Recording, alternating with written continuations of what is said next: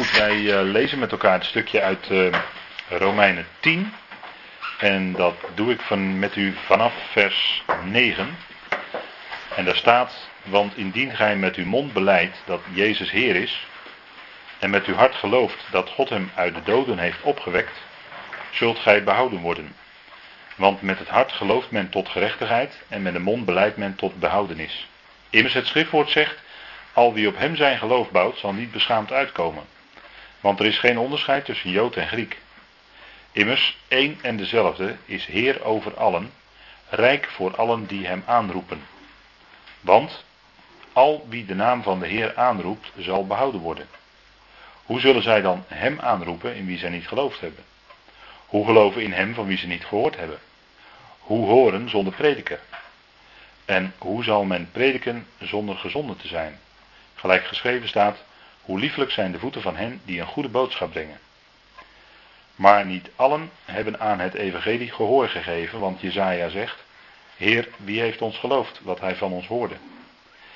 Zo is dan het geloof uit het horen en het horen door het woord van Christus. Even tot zover. Goed, wij uh, denken vanavond weer na aan de hand van uh, het grotere gedeelte, Romeinen 9 tot 11, over Paulus en Israël. En dit stukje spreekt dan ook heel specifiek over een uh, belangrijk aspect, wat Paulus steeds in deze brief naar voren brengt. En dat is geloof. Geloof dat uitgaat naar Gods woord. Het geloof dat wil horen wat het woord zegt. En dat ook aanvaardt. En dat, daar ook op vertrouwt. En dat geloof is natuurlijk niet iets nieuws. Want het was al bij eh, Abraham het geval. Abraham was ook al iemand die God geloofde. Die geloofde in de beloften van God. En dat werd hem ook tot gerechtigheid gerekend. Hè, staat er dan bij. Dus het gaat om het principe van geloof. En als we nadenken daarbij over Israël, dan heeft Paulus daar ook al de nodige dingen over gezegd. Israël had namelijk de wet ontvangen op de Sinaï. Israël was het volk met de Torah, met het Tanach. En dat is erbij gekomen eigenlijk, hè, zegt ook de gelaten brief. Het ging eerst om geloof in de belofte van God. Abraham als voorbeeld. En daarna is de wet erbij gekomen. Maar ondanks die wet die erbij gekomen was, zegt Paulus, dat die belofte bleef staan. De belofte bleef gewoon van volle kracht, met volle kracht gelden. En er waren ook altijd onder Israël wel degelijk gelovigen. Maar voor heel het volk was het eigenlijk zo geworden dat zij vaak dat woord van God opvatten als iets wat, uh, ja, wat wettisch is, wat, uh, ze legde heel erg de nadruk op het doen. En op zich is daar natuurlijk niks mis mee. Alleen, je moet het niet omdraaien. Je moet niet beginnen bij het doen. Maar het gaat eerst om geloof in het hart. En dat is wat Paulus ook in dit stukje duidelijk maakt. want hij zegt, als hij aanhaalt uit Deuteronomium, maar daar hebben we al bij stilgestaan. Dan zegt hij, ja, nabij jullie is het woord. In jullie mond en in jullie hart het woord van het geloof dat we prediken. Dus dat woord van de Torah was per definitie ook een woord om te geloven. Het was, Paulus maakt duidelijk dat het daar in de eerste plaats om ging. En bij Israël was die nadruk verlegd naar het doen. En het wet sprak ook wel over het doen. Alleen de essentie was dat het in de allereerste plaats zou het geloof zijn. Wat belangrijk, het belangrijkste is. En dan zouden ze kunnen zien dat het in de Torah, in de Tanach gaat om degene die komen zou. Onze Heer Jezus Christus. Daar spreekt die hele Torah van. Dus het ging om geloof. En in dat betoog is Paulus hier ook bezig in Romeinen 10. dat is dat achtste vers. Wat we dan net niet gelezen hebben aan het begin. Maar daar staat heel duidelijk. Maar wat zegt zij? Nou, bij u is het woord in uw mond en in uw hart. Daar gaat het om, dat het woord in het hart zit. Het woord van het geloof dat wij prediken. Daar gaat het om. Dus dat is heel, heel erg belangrijk. Als we nadenken aan de hand van Paulus ook over Israël. Paulus heeft het steeds over geloof en daarin als, eigenlijk als fundament. En daarmee is ook uh, het principe van genade van toepassing. Hè? Geloof en genade, die twee die horen gewoon echt bij elkaar. Want geloof heeft geen verdiensten. Hè? Geloof is niet hetzelfde als heel hard met je handen werken. Maar geloof is in de allereerste plaats horen naar het woord van God. dat woord van God als betrouwbaar achten, die belofte als zekerheid in je hart aanvaarden, dat God ze ook bij machten is ze te vervullen. Kijk maar in het leven van Abraham en Sarai. je zou eigenlijk kunnen zeggen dat uh, op het moment dat Abraham, toen de belofte nog niet vervuld was van nageslacht, dat Abraham juist door iets te gaan doen, zijn ongeloof liet zien. En met het vlees eigenlijk aan de slag ging, hè? Abraham en Sarah. Of, uh, sorry, Abraham en Hagar. Egyptische slavin. Maar die in gelaten 4 uh, dan uitgebreider over spreekt. Maar juist door het doen. Hè, dus eigenlijk door het handelen. Zonder dat God dat gezegd had. Liet Abraham eigenlijk zien op dat moment. Dat hij de belofte niet kon afwachten. De vervulling van de belofte. Maar dat hij zelf als het ware God een handje wilde helpen. En Abraham en Sarah overlegden erover. Nou, neem die Egyptische slavin. En die zal dan voor mij nageslacht verwekken, zei Sarah. Nou, hè, of nageslacht voortbrengen. En dat, uh, zo gebeurde het ook, maar dat was Ismaël, maar dat was niet de zoon van de belofte. En daar begon Paulus in Romeinen 9 al mee. Dus juist in Abrahams leven bleek dat door het doen de weg, eh, de, het vlees op de voorgrond kwam. En niet de werking van de geest en dat is, dat is zo tegenstrijdig aan hoe wij als mensen denken, ook als we geloven, ook als gelovigen, en juist binnen het christendom is dat heel sterk aanwezig. is het eerst, jij moet iets doen, of jij moet iets uh, aanvaarden, of uh, jij moet een keuze maken, of hoe je het ook maar noemen wilt. En als je dat hebt gedaan, wat het dan ook maar is, dan komt daarna die genade en dan, hè, dus een soort, een soort grote aanvulling. Hè, in elke richting zullen ze dat groter of kleiner als aanvulling zien. Maar dan als aanvulling geeft God jouw genade. Dat is in de kern waar het steeds om draait. Jij moet iets doen.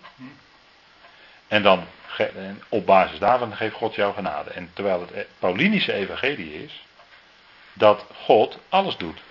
En dat er dus alles genade is. En dat, en dat is juist zo aanstotelijk voor ons als mensen. Want dan kan jouw vlees kan niets meer zelf doen. Jij kan niets meer zelf doen. En dat is het moeilijkste voor een mens. Om te accepteren in geloof dat niet jij het kan doen, maar dat God alles doet. En dat wordt ook zo dan geïllustreerd in het leven van Abraham en Sarah. Op het moment dat zij iets gingen doen, bleek hun vlees op de voorgrond te komen. de naar het vlees verwekte. Of de naar het vlees voortgebrachte. En dat was nou juist, dat was nou juist uh, Gods weg niet, zou je kunnen zeggen. En we weten wel dat ook die afwijking in Adams leven, dat ook dat ten diepste weer in Gods plan toch gebruikt wordt. Oké. Neemt niet weg dat de lijn is, God geeft zijn belofte. En het was aan Abraham en Sarah om te wachten op de vervulling van de belofte. En wat doet God nou? God gaat zo ver dat het naar de mens gesproken niet meer mogelijk was dat er nog nageslacht zou komen. Dus dan is echt alle menselijke, uh, alle menselijke kracht is zeg maar uitgeput. Die is er niet meer. Die is gewoon, uh, dat is voorbij. En op dat moment gaat God zijn belofte vervullen. Dus God wacht net zo lang totdat Abraham en Sarah naar de mens gesproken geen kinderen meer konden krijgen. En op dat moment geeft God zijn kracht. En dat is dan ook opstandingskracht. Hè, dat is leven uit de doden. Dat zegt Abraham ook, of dat staat ook in, uh, in Romeinen 4. Maar op dat moment vervult God zijn belofte. En daarmee is het moment aangebroken dat al het menselijke vlees, dus al het menselijke eigen kunnen, is uitgeschakeld. En God door zijn geest werkt. En die boodschap, die is voor de mens zo ontzettend moeilijk om te accepteren dat niet jij het kan, maar dat God het doet. En dat is voor ons zo moeilijk. Wij willen graag handelen, wij willen graag anticiperen op wat God doet, of wij willen God graag een handje helpen. Nou, ik kan het nog met een hele lange lijst van dat soort uitdrukkingen aanvullen, bij wijze van spreken. En het is allemaal in feite menselijke pogingen om iets tot stand te brengen waarvan God zegt: nee, dat doe ik. En dan is dus het menselijke vlees, het eigen kunnen, is uitgeschakeld. En dat is ook de werking van het kruis. Hè? Dat is de diepgaande werking van het kruis. En ik denk dat dat een van de belangrijkste redenen is waarom, de, waarom het evangelie van de apostel Paulus door heel veel christenen, heel veel geloven vandaag de dag, niet geaccepteerd wordt. Men kan het gewoon niet accepteren dat God het is die alles doet. Dat het alleen, uitsluitend en, maar dan ook alleen, genade is. Het is Hij die alles doet. En uh, ja, dat is uh, ook de boodschap van het kruis. Hè. Dat is, het kruis wordt natuurlijk door Paulus ook genoemd in Colossense de besnijdenis van Christus. Let op, hè, niet de besnijdenis van Jezus, want die is wel gebeurd. Maar het kruis is de besnijdenis van Christus. Dus dat is de afsnijding van al het oude, van al het menselijke kunnen, van al het menselijke vlees, van alle menselijke inspanningen en pogingen. Dat is de werking van het kruis. En daardoor hè, laat God zien, nee, niet jij kan het, mens. En daar was de besnijdenis natuurlijk al een heenwijzing van. Want het was een afsnijden van een heel klein stukje vlees. Als type van de grote geestelijke waarheid. Het volledig afsnijden door het kruis van het menselijke vlees. Dat de mens dus zelf niets tot stand kan brengen. Tot redding, tot heil. Maar dat God alles doet. Nou, dat is de boodschap van de apostel Paulus. En het geloof is daar ook een uiting van. Het principe van geloof is met die boodschap volledig in harmonie. Dit is alleen genade. Ja? De besnijdenis van Christus? De besnijdenis van Christus, dat is zijn kruisiging. Zijn dood en opstanding. En? Betekent de afsnijding van het oude. Ja. dus de Heer Jezus ging het graf in. En uit het graf kwam Christus. Om even het verschil aan te duiden. Het is wel dezelfde. Oh, het is wel dezelfde. Het is wel dezelfde. Alleen hij is door zijn opstanding is hij tot Heer en tot Christus geworden, gesteld. Gesteld geworden, zegt Petrus. Ja. Dus die titel Christus is vooral verbonden met de opgestane. Pas toen bleek aan alle kanten dat hij echt de Christus is, de Messias, die beloofd was, de gezalfde. Dat had te maken met zijn opstanding uit de doden. En dat kan ik met een aantal teksten aanvullen en illustreren, maar goed, dat, dat is nu even niet aan de orde. Maar even. Hè, dus dat betekent dus, de oude schepping is voorbij. Dan zeg ik het even weer op een andere manier. En de nieuwe schepping is een feit voor ons in Christus. En het oude is voorbij, zie je, het is alles nieuw geworden. Dat is de diepgaande radicale boodschap van het kruis. En dat is waar het in feite bij Paulus om draait. En die boodschap is ongelooflijk moeilijk te accepteren door de mens. Ook door de gelovige mens. Wat bedoel je nou met. Ik ben altijd onder de indruk van mensen die, die doen. Ja, die hun leven geven of zeg maar hun leven in dienst zetten voor ja. mensen om het evangelie te brengen ja. daar te helpen. Ja. In landen. Ja, daar heb ik ook heel veel respect voor, zeker. Alleen het gaat natuurlijk om de motivatie. Als zij dat doen vanuit de motivatie van dat zij zich daartoe geroepen voelen en dat zij het zien als het is alleen maar genade dat we dit kunnen doen. Ja, ik zal daar, ik zal daar eh, dan niks van zeggen. Wie ben ik om daar iets van te zeggen? Als iemand meent dat hij dat zo moet doen. Vanaf van God, vanuit God, dan wie ben ik daar om daar iets van te zeggen? Daar zeg ik ook niks van. Ja, vind ik geweldig. Ja, ja, dat is het ook.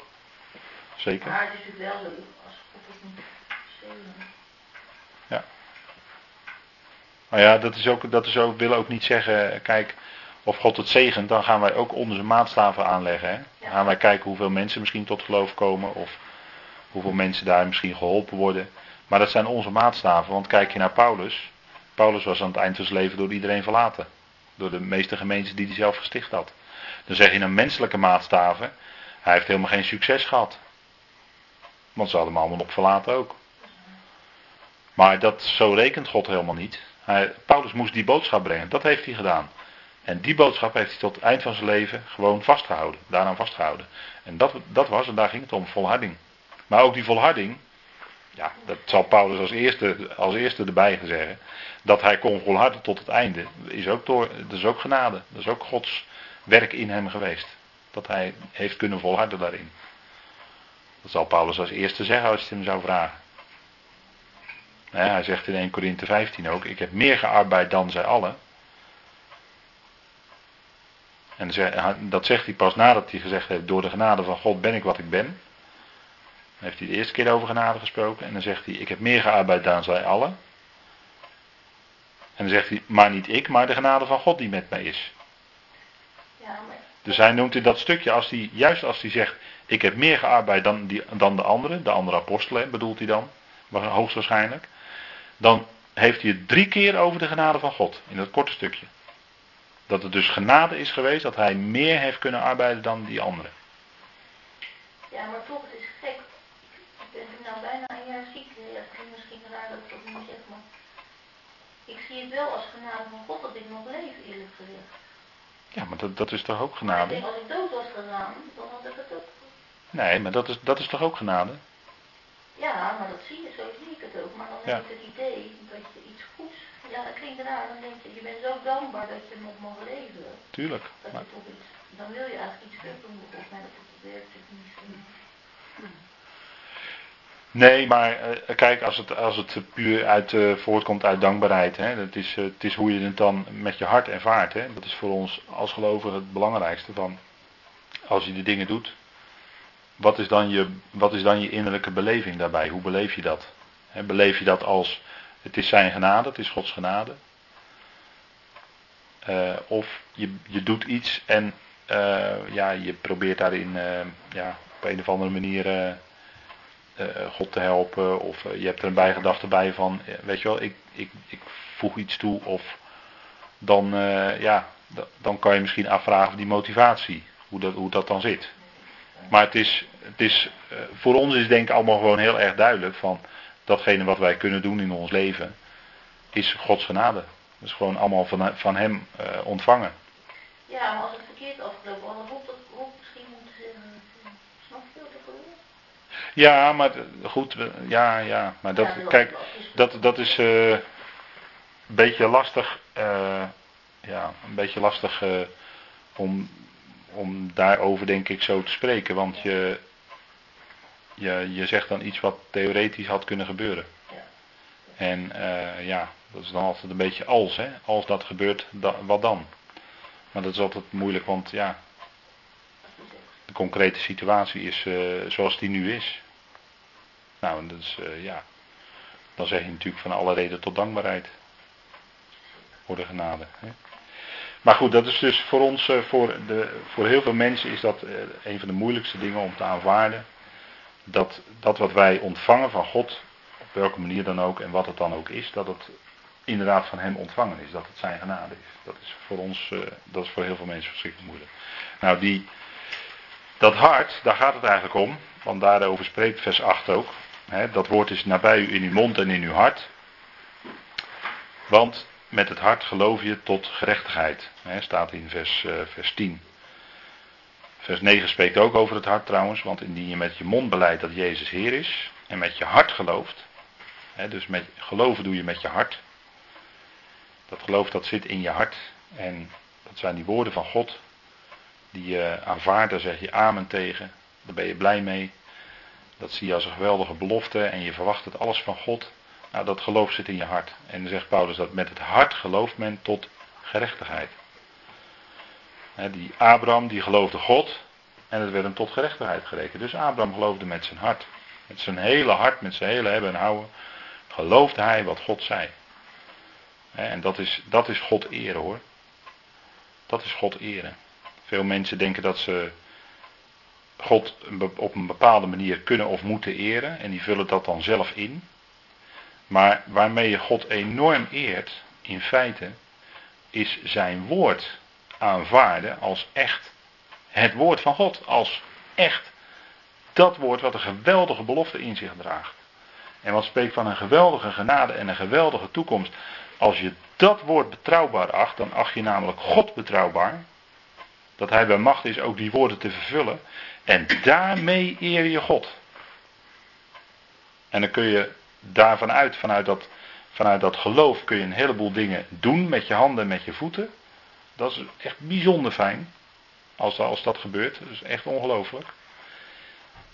Maar waar je God het meest mee eert, is, is zijn woord aanvaarden. Niet als het woord van mensen, zegt Paulus tegen de Thessalonicenzen. daar, daar prijst hij ze in. Dat ze dat woord hadden aanvaard. Niet als een woord van mensen. Maar als wat het waarachtig is, het woord van God. en, en dat is als je dat woord dan ook, zoals wij dat graag willen doen. en soms misschien bijna te voor sommigen. Maar dat woord minutieus volgen, woord voor woord en dat neerleggen en dat neerleggen voor geloof. Aanvaard dat woord. Dat is eergeven aan God. Dat is zijn woord respecteren. dat woord zelf op de voorgrond laten komen. Wat zegt de schrift zelf? En je merkt dat, je merkt in zoveel, toch moet ik dat zeggen, in zoveel prediking merk je gewoon om je heen. Dat men, dat, dat eh, een prediker, en er zijn er best heel wat goede tussen, die dan niet te nagesproken, maar er is ook heel wat prediking, daar legt men dan, uh, wil men dan zeggen, ja, dat staat er wel zus en zus en zo, maar in feite is dit de bedoeling. En als je dan hoort wat dan gezegd wordt of gedacht wordt, wat de bedoeling is van een stukje tekst, dan denk je van ja, maar nu ben je toch, nu ben je toch een stukje van huis weggeraakt. Nu geef je een, een bedoeling, maar dat is jouw gedachte dat de bedoeling van die tekst is. Maar ik wil dan graag horen, wat zegt die tekst zelf? Want dat is het betrouwbare woord van God. Daar gaat het om. Nou, en dat is ook een kwestie van je hart. Hè? En het is alleen maar God die natuurlijk je hart kan aanspreken en God die je hart kan vullen daarmee. Het is door zijn geest in je gewerkt. Ook dat hebben we niet van onszelf, kan niet. Toen eh, Paulus sprak in, uh, waar was het, in Filippi meen ik. Toen kwam uh, Lydia erbij, hè? Lydia de purperverkoopster. En er staat erbij, en de Heer opende haar hart. Zodat ze aandacht schonk aan hetgeen door Paulus gezegd werd. Dus dat is duidelijk, hè? De Heer opent het hart. Dat kunnen wij niet doen. We kunnen wel tegen iemand spreken over het evangelie. Hè? We kunnen tegen iemand dat evangelie zeggen. Maar God moet het hart openen. Dat kunnen wij niet. Moeten alleen maar, kunnen we alleen maar afwachten wat God daarmee doet. En dat woord doet zijn werk. En, en een woord van God zal ook nooit leeg terugkeren. Dus het zal ongetwijfeld wel zijn werk doen. Maar of zo iemand dan in deze tijd geroepen wordt geroepen en blijkt te zijn voor het lichaam van Christus, ja, dat is een kwestie dat moet blijken dan. Ja of nee. Want God moet een hart openen. En, en uh, uh, als je, uh, toen Paulus in Korinthe was en hij daar sprak, toen zei de Heer tegen hem van, nou ik heb daar, ik heb veel volk in deze stad, zei de Heer tegen hem. Dus de Heer wist natuurlijk al precies wie geroepen zouden worden. Alleen, het was Paulus die daar het woord moest gaan spreken. En de Heer riep dan die mensen. Dus het is Hij die dat allemaal bepaalt. Hè? En die die mensen trekt en roept. Hè? En ik vind dat ook uh, bijzonder wat er in Johannes 6 staat. Hè? Dan zegt de Heer Jezus ook: Niemand kan tot mij komen, tenzij dan dat de Vader hem trekt. Dus wij kunnen, weet ik wat, wij kunnen uh, hè, met, met onze op allerlei mogelijke manieren iemand uh, benaderen en uh, spreken aan iemand trekken in zekere zin. Maar uiteindelijk dat iemand echt gaat geloven, dat kan alleen maar als vader hem trekt. Als vader die persoon trekt. Dat is, de een, dat is het enige. En, en daar ben je toch steeds, hè, daar raak je toch steeds dieper van overtuigd dat het zijn werk is. Nou, met het hart gelooft men tot gerechtigheid. God kan een hart openen. En dat is ook de reden waarom dat evangelie uitgaat. waarom we dat uitdragen. Nou, met de, en met de mond beleidt men tot redding. En waar denkt Paulus dan aan? En dat heb ik hier even voor u genoteerd. Uit Joel, dat is een bekende tekst uit Joel 2. En er staat, en het zal geschieden dat ieder, dat is als de, als de dag van de Heer gaat aanbreken. Dus dan zijn wij al uh, weggerukt met de bazuin. En het zal geschieden dat ieder die de naam van de Heer aanroept, behouden zal worden. En waar is dat dan? Nou, dat staat er gewoon bij. Want op de berg Sion en te Jeruzalem zal ontkoming zijn, zoals de Heer gezegd heeft. En tot de ontkomenen zullen zij behoren die de Heer zal roepen. Alsjeblieft, daar heb je het, hè? Die de Heer zal roepen. Dus degene die dan leven bij zijn komst, als hij zijn voeten gaat zetten op de Olijfberg. Hè, degene die dan leven, die zullen blijken ook geroepen te zijn en die zullen de naam van de Heer aanroepen. En die zullen dan ook gered worden. en dan zal er een dal van ontkoming zijn, want de Olijfberg zal gaan splijten. er zal een eh, grote aardbeving zijn.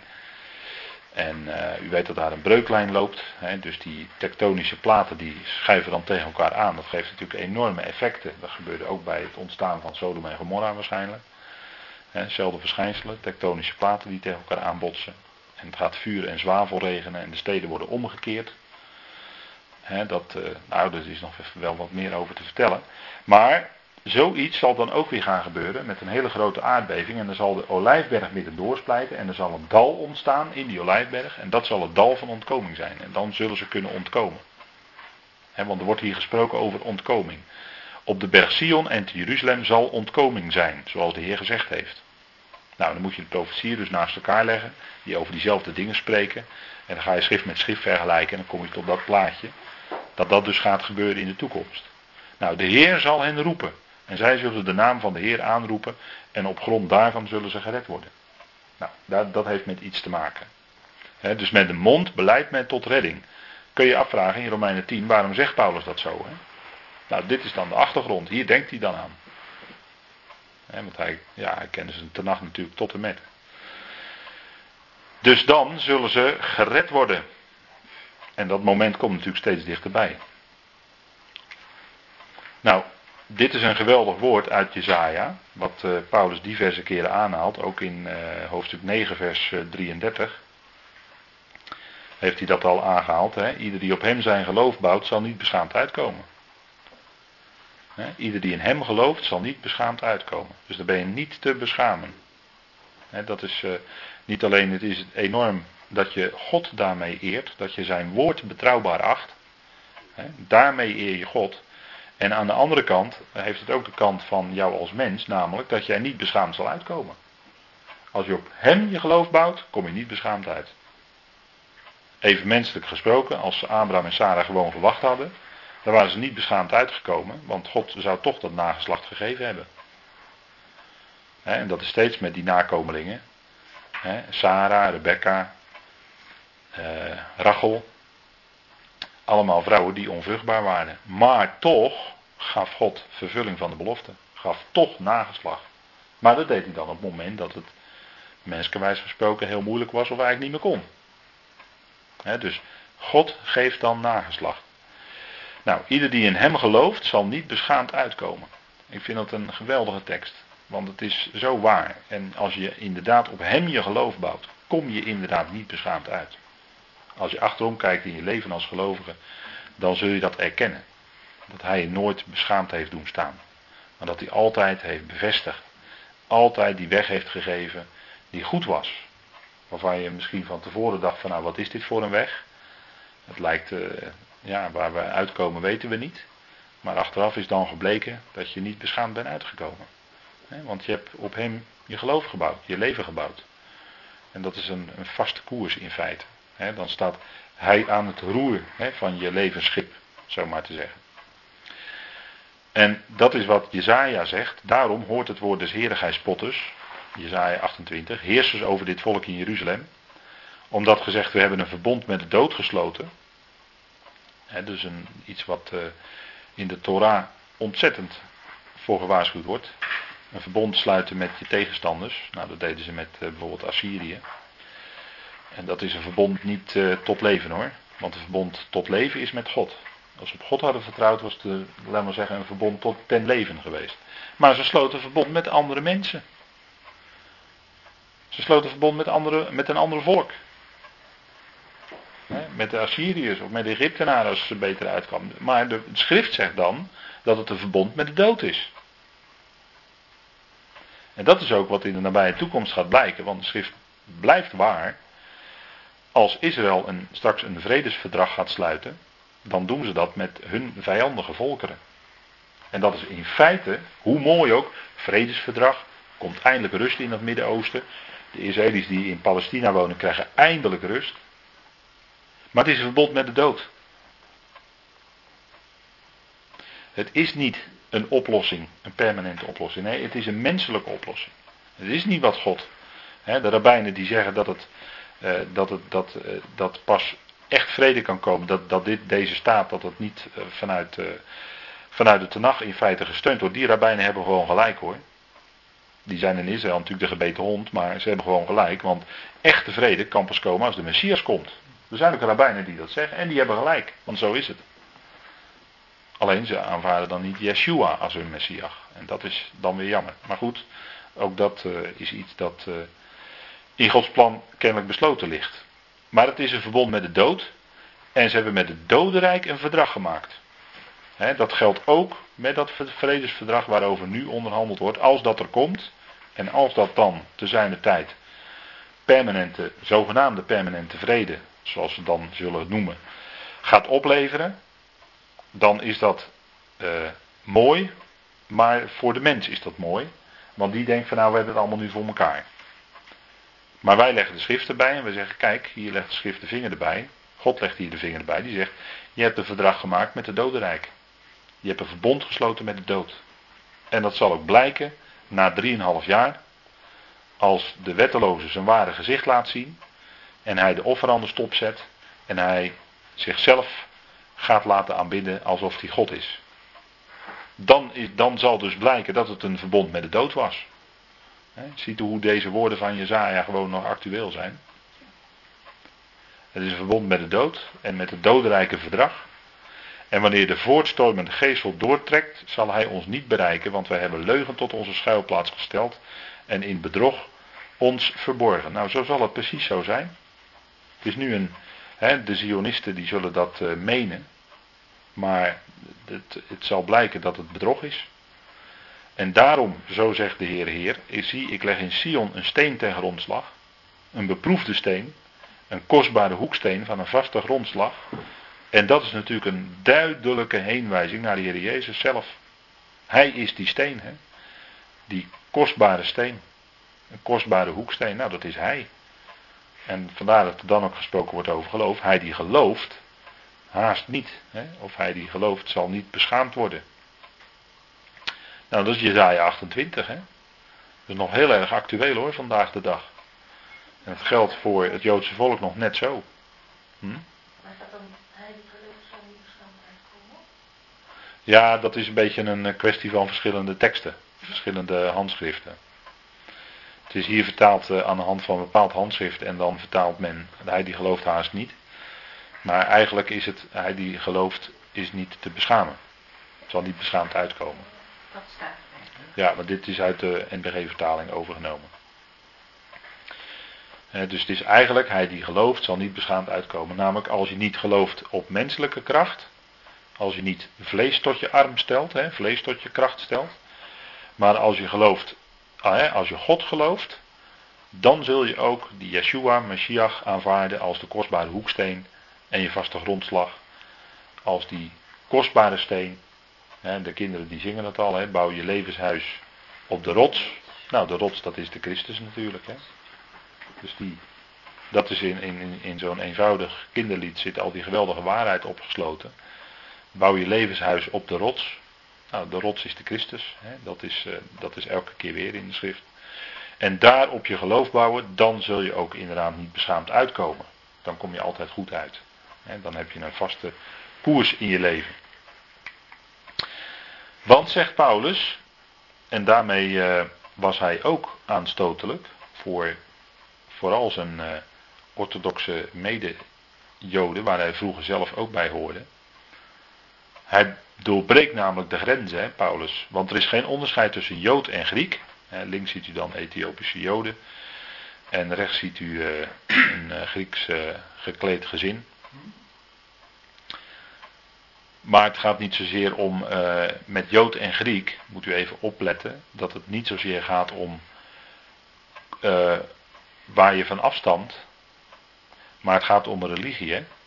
Joden en Grieken, dat vertegenwoordigde een cultuur en dus ook een religie. Het ging om het Jodendom en het ging om de Grieken, de Griekse cultuur, de Griekse filosofie.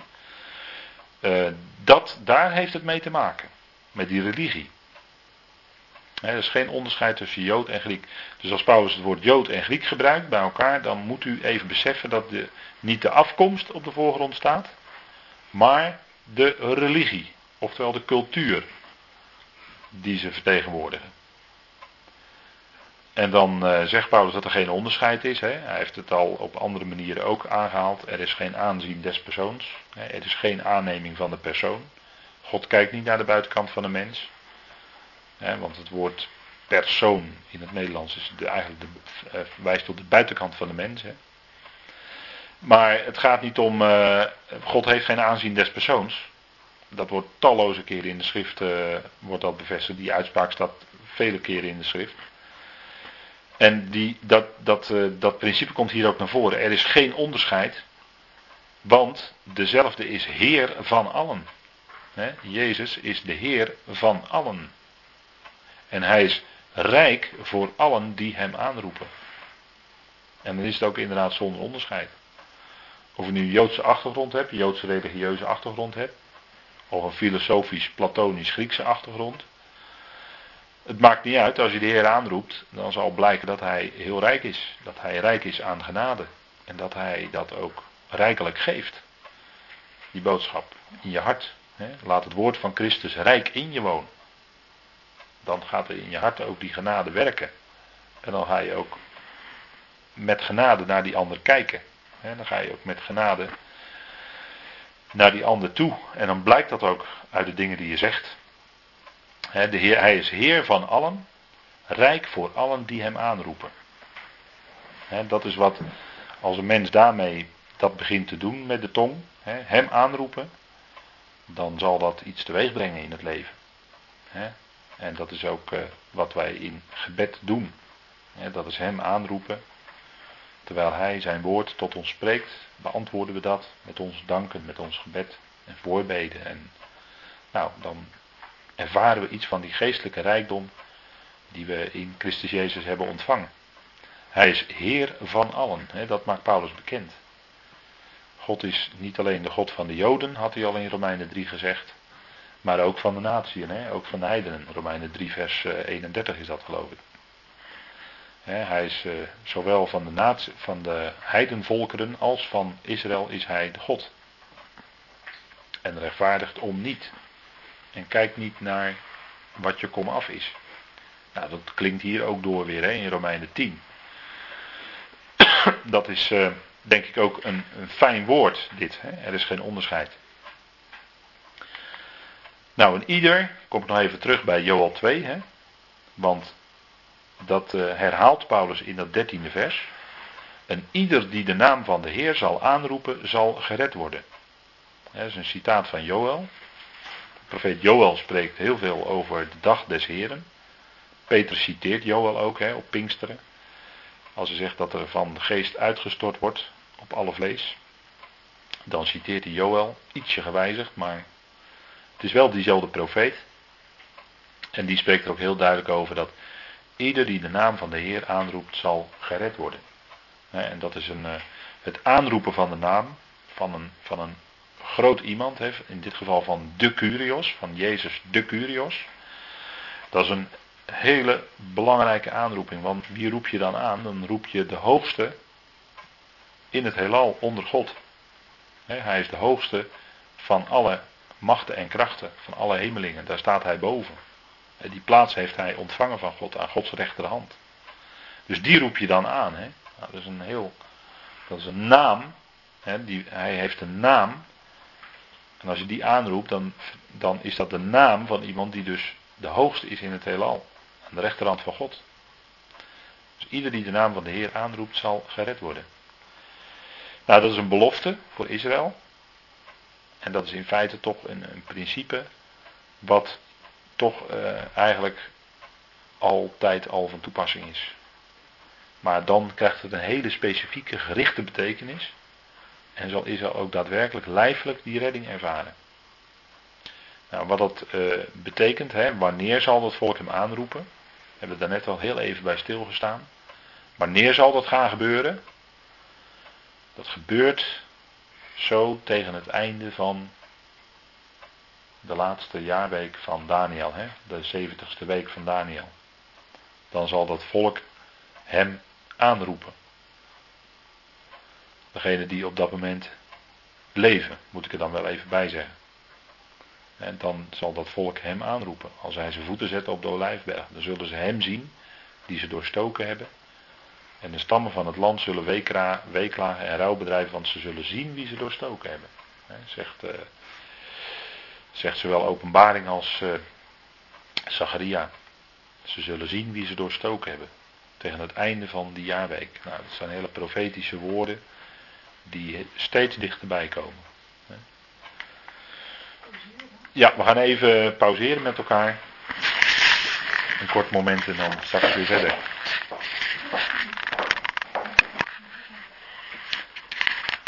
Goed, nou dat volk dat zal hem aan gaan roepen. En dat, uh, daarvan weten we uit de schrift dat dat gebeurt tegen het einde van de 70ste week van Daniel, uit Daniel 9. En dan zal het volk hem aanroepen. En het geweldige is wat dan gebeurt, is als het volk hem aanroept, dan maakt hij zijn naam ook waar en dan zal hij ook hen redden. He, Yeshua of Yahweh redt, Jezus, zijn naam, redder, dat maakt hij ook waar en hij zal zijn volk redden. En dat is een uh, gebruik wat in die tijd, uh, of in het oosten er was. Ik weet niet of het vandaag de dag nog steeds zo is. Maar een oud gebruik was in de Oosterse landen, en dat noemde men het recht van het heiligdom. Dat uh, als iemand in doodsnood was voor de bloedvreker, hè, iemand, iemand had iets gedaan aan, aan, tegen een ander of werd daarvan verdacht, dan kwam de bloedvreker van de familie en die ging dan die persoon achterna. En dan uh, ja, was die persoon min of meer in zekere zin vogelvrij verklaard. En die, ja, de bloedvreker die kon hem gewoon op elk moment dat hem uitkwam en dan kon die andere overmeesteren, kon hem ook doden. Dus hij was vogelvrij. Wat kon hij dan doen? Dan kon hij de naam van een machtig mens aanroepen. Hè, bijvoorbeeld van iemand, een groot grondbezitter, ik noem maar wat. Iemand die bijvoorbeeld kon beschikken over, uh, over een legertje of over huurling of wat dan ook. En dan kon hij die naam aanroepen. En zo op die manier, omdat hij die naam van die machtige persoon aanriep, kon hij dan gered worden. Waarom? Nou, omdat die persoon dat natuurlijk niet op zich kon laten zitten, want die had een naam hoog te houden. En die moest die naam dan ook vervolgens waarmaken en zo die vogelvrije beschermen voor ja, een vrijwel zekere dood. En zou het gebeuren dat zo iemand die vogelvrij was, toch gedood werd, want dat kon natuurlijk ook gebeuren, dan zou die machtige, van wie de naam aangeroepen was, ook wraak moeten nemen. En dat was dan drie, een derde dag lang. Zo was een gebruik in wat men dan noemt het recht van het heiligdom. Dat heeft daarmee te maken. Nou, dat is een beetje de achtergrond ook van die uitspraak van Paulus, en er was ook in de wet was daar wel iets over bekend, hè, met de vrijsteden. Er waren zes vrijsteden in Israël, waar, waar naartoe men dan kon vluchten, als men dus uh, beducht moest zijn voor de bloedvreker. Nou, de bloedvreker, daar is nog wel wat meer over te zeggen. Maar goed, dat, dat is dan nu even niet, uh, niet zo van belang binnen dit verband. Maar dit is dan ook de achtergrond waartegen Paulus dat zegt. Ieder die de naam van de Heer aanroept, dus dan roep je de naam van een machtige aan. En dat is ook dan het bloed. Hè. Denkt u maar aan het bloed, de zielen onder het altaar in openbaring. Dat bloed roept van de aardbodem om wraak. En dat roept dan als het ware de naam van die machtige aan. Net zoals Abels bloed van de aarde om wraak riep. Nou, dat gebeurt dan. En dat is dan als de dag van Yahweh aanbreekt, hè, als de dag van Yahweh die komt, dan wordt dat ingeleid met de dag van toren. En dan zal Israël ongelooflijk verdrukt worden door de andere volkeren. En ze zullen dan de naam van de Heer ook aanroepen in hun nood, in hun druk. En dan op basis van dat aanroepen zal Hij komen en zal ook vergelden. En dan zit je ook midden in die zogenaamde vergeldingspsalmen, zeg maar. Hè. Die met name in de negentiger psalmen heb je een aantal psalmen waarin heel nadrukkelijk gesproken wordt of geroepen wordt om recht en gerechtigheid en om wraak, hè, om vergelding. Nou, dat is dus op basis ook van dat aanroepen van die naam. Dan is zo machtige en dan zal hij ook gaan optreden, dan zal hij ook gaan vergelden. Dat is als de dag van Yahweh gaat aanbreken, met de dag van toren. Even kort voor uw gedachtenbepaling. Als het gaat om de Heer, dan is zijn eerste komst op aarde geweest. Dat is allemaal al de historie. Zijn hemelvaart, wat we op hemelvaartsdag gedenken. En het eerste grote gebeurtenis is dan de opname van de gemeente. Nou, die kan iedere, iedere dag gebeuren, dat maakt helemaal niet uit. Hè? Dat kan ieder moment zijn. De opname of de wegrukking van de gemeente naar 1 Thessalonicense 4. Daarna komt een tijd van grote verdrukking over Israël. En dat is een periode van, laten we zeggen, 1260 dagen. 3,5 jaar, grofweg gezegd. 42 maanden. dat zijn ongeveer perioden, niet helemaal exact hoor. Als je het helemaal uit gaat zoeken is het niet helemaal exact. Maar die periode kun je wel heel goed op elkaar leggen. Want dat is nagenoeg dezelfde periode. Dan daarna, na die grote verdrukking, komt de tweede komst van Christus. Dat is dus zijn tweede zichtbare komst. En dan, daarna begint de dag van Yahweh. En dan komt het oordeel, het gericht over de volkeren. dus je hebt eerst de grote verdrukking over Israël door de volkeren. En als, laten we zeggen, als reactie daarop, komt daarna, breekt de dag van Yahweh aan. Het Nederlandse woord dag wil ik even op wijzen, zoekt u dat maar eens na in het woordenboek. Kan ook te maken hebben met oordeel. Een dag. Weet u wat een goede dag is?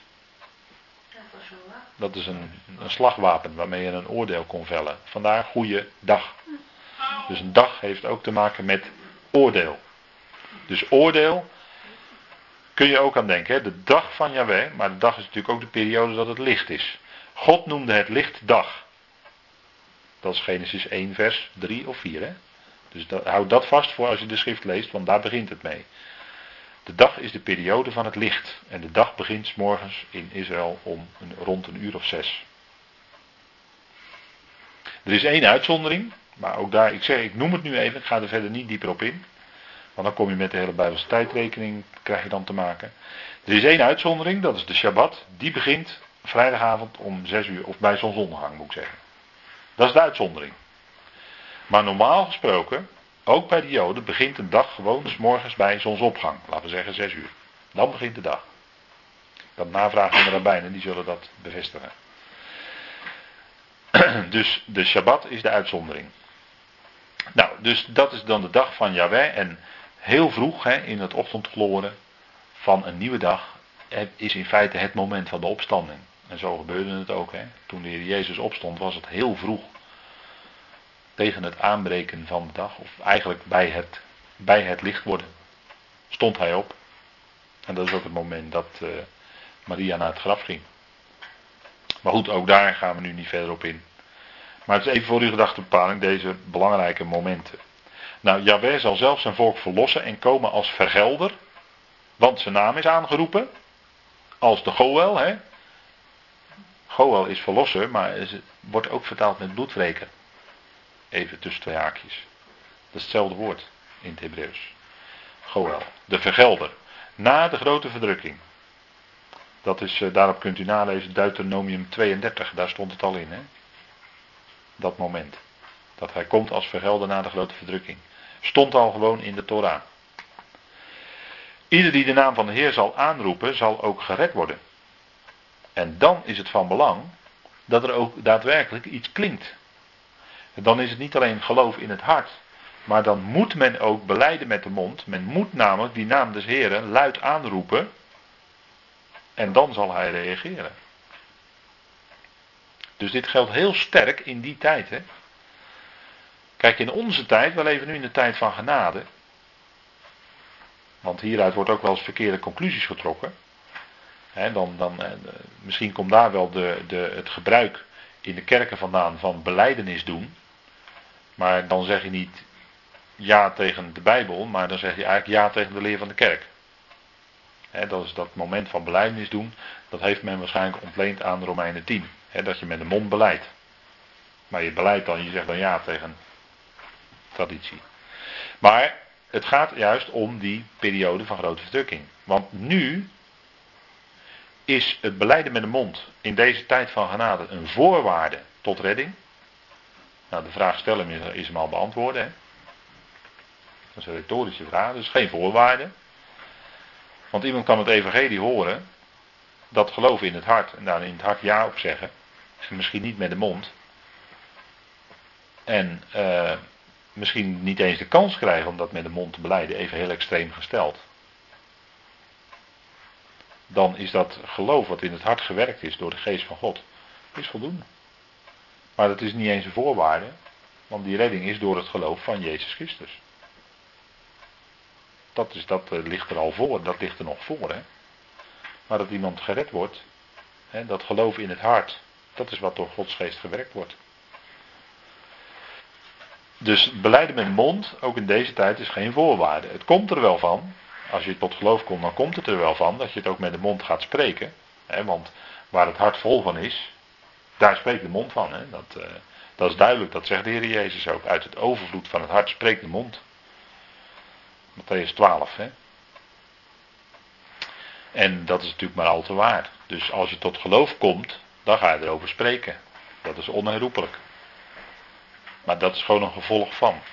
Dat moet je niet zien als een voorwaarde, maar als een automatisch gevolg. Nou kijk, nog even door. We, gaan, we trekken nog even dat beeld door. Hè, van die de, de, de vogelvrije, hè, de vluchteling. Die hoefde zijn beschermer niet eens persoonlijk te kennen. Even puur het gebruik in het Midden-Oosten. Wat er was.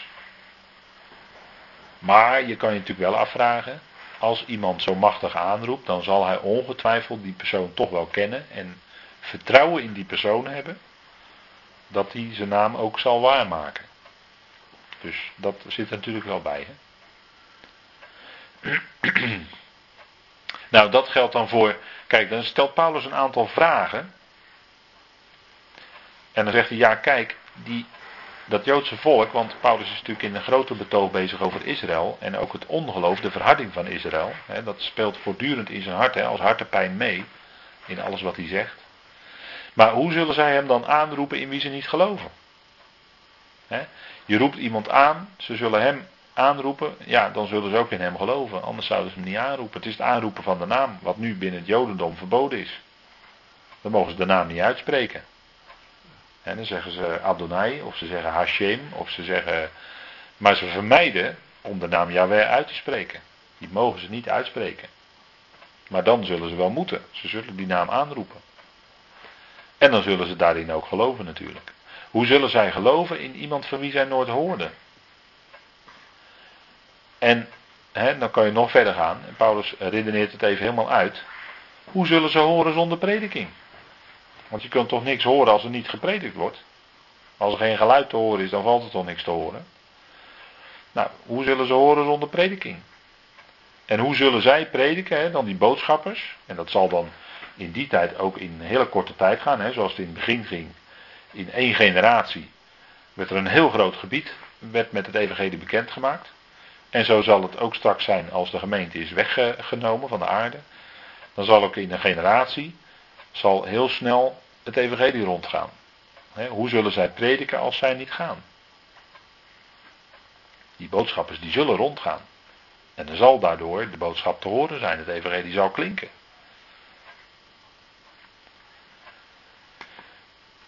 En dan zegt uh, de profeet ook nog, hoe liefelijk zijn de voeten van hen die een goede boodschap brengen dus diegene, want ja, die boodschap wordt overal gebracht. Dat betekent dat er op de voeten gegaan moet worden. dus moet een afstand afgelegd worden van A naar B. en denk aan de, de andere apostelen, maar denk ook aan eh, Paulus zelf met zijn unieke bediening. Die ging met Barnabas op reis. En die, die bestreek een heel groot gebied. En het ging allemaal te voet. En dit, geldt, dit gold natuurlijk ook voor Paulus zelf. Hoe liefelijk zijn de voeten van hen die een goede boodschap brengen een evangelie brengen. Een evangelie is natuurlijk echt een evangelie als het ook echt redt. En dat doet het. En als er ook echt een redder is die ook daadwerkelijk redt. Dat is een goed bericht. Hè? Dat is een goed nieuws. Dat is een blijde boodschap. De blijde boodschap is dat hij de Heer van allen is. En dat hij ook de redder van allen is. Dat is evangelie. Nou, diegenen die die boodschap brengen, daarvan zegt de schrift, hoe lieflijk zijn die voeten. En dat is ook een, eh, een uitspraak die bijvoorbeeld uit eh, de profeet Nahum komt. En Nahum die heeft een godspraak of een last over Nineveh. En uh, Nineveh is, staat in de Bijbel natuurlijk, hè, Nineveh. Maar wat langere tijd, ja, Nineveh is op een gegeven moment verwoest geworden. En wat langere tijd was het gewoon niet bekend als stad, hè, als plaats. En dan komen de moderne, of ja, dat speelt al een paar honderd jaar. Maar dan komen de Bijbelcritici die zeggen: ja, kijk, er wordt in de Bijbel wel gesproken over Nineveh. Maar uh, overal waar we op de wereld kijken, geen Nineveh. Dus met andere woorden, die Bijbel die is niet zo betrouwbaar. Nou, u voelt hem al aankomen natuurlijk. Hè? Want op een gegeven moment kwam er een zekere Duitse meneer Schliemann. En die was archeoloog. En die ging graven. En wat vond hij? Hij vond Nineveh natuurlijk. En toen uh, verstomde natuurlijk alle Bijbelkritiek. Want ja, nou bleek toch dat Nineveh wel degelijk echt bestaan had, hè, waar Jona naartoe gestuurd was. Dat was een hele grote stad in die tijd van een groot Assyrisch rijk.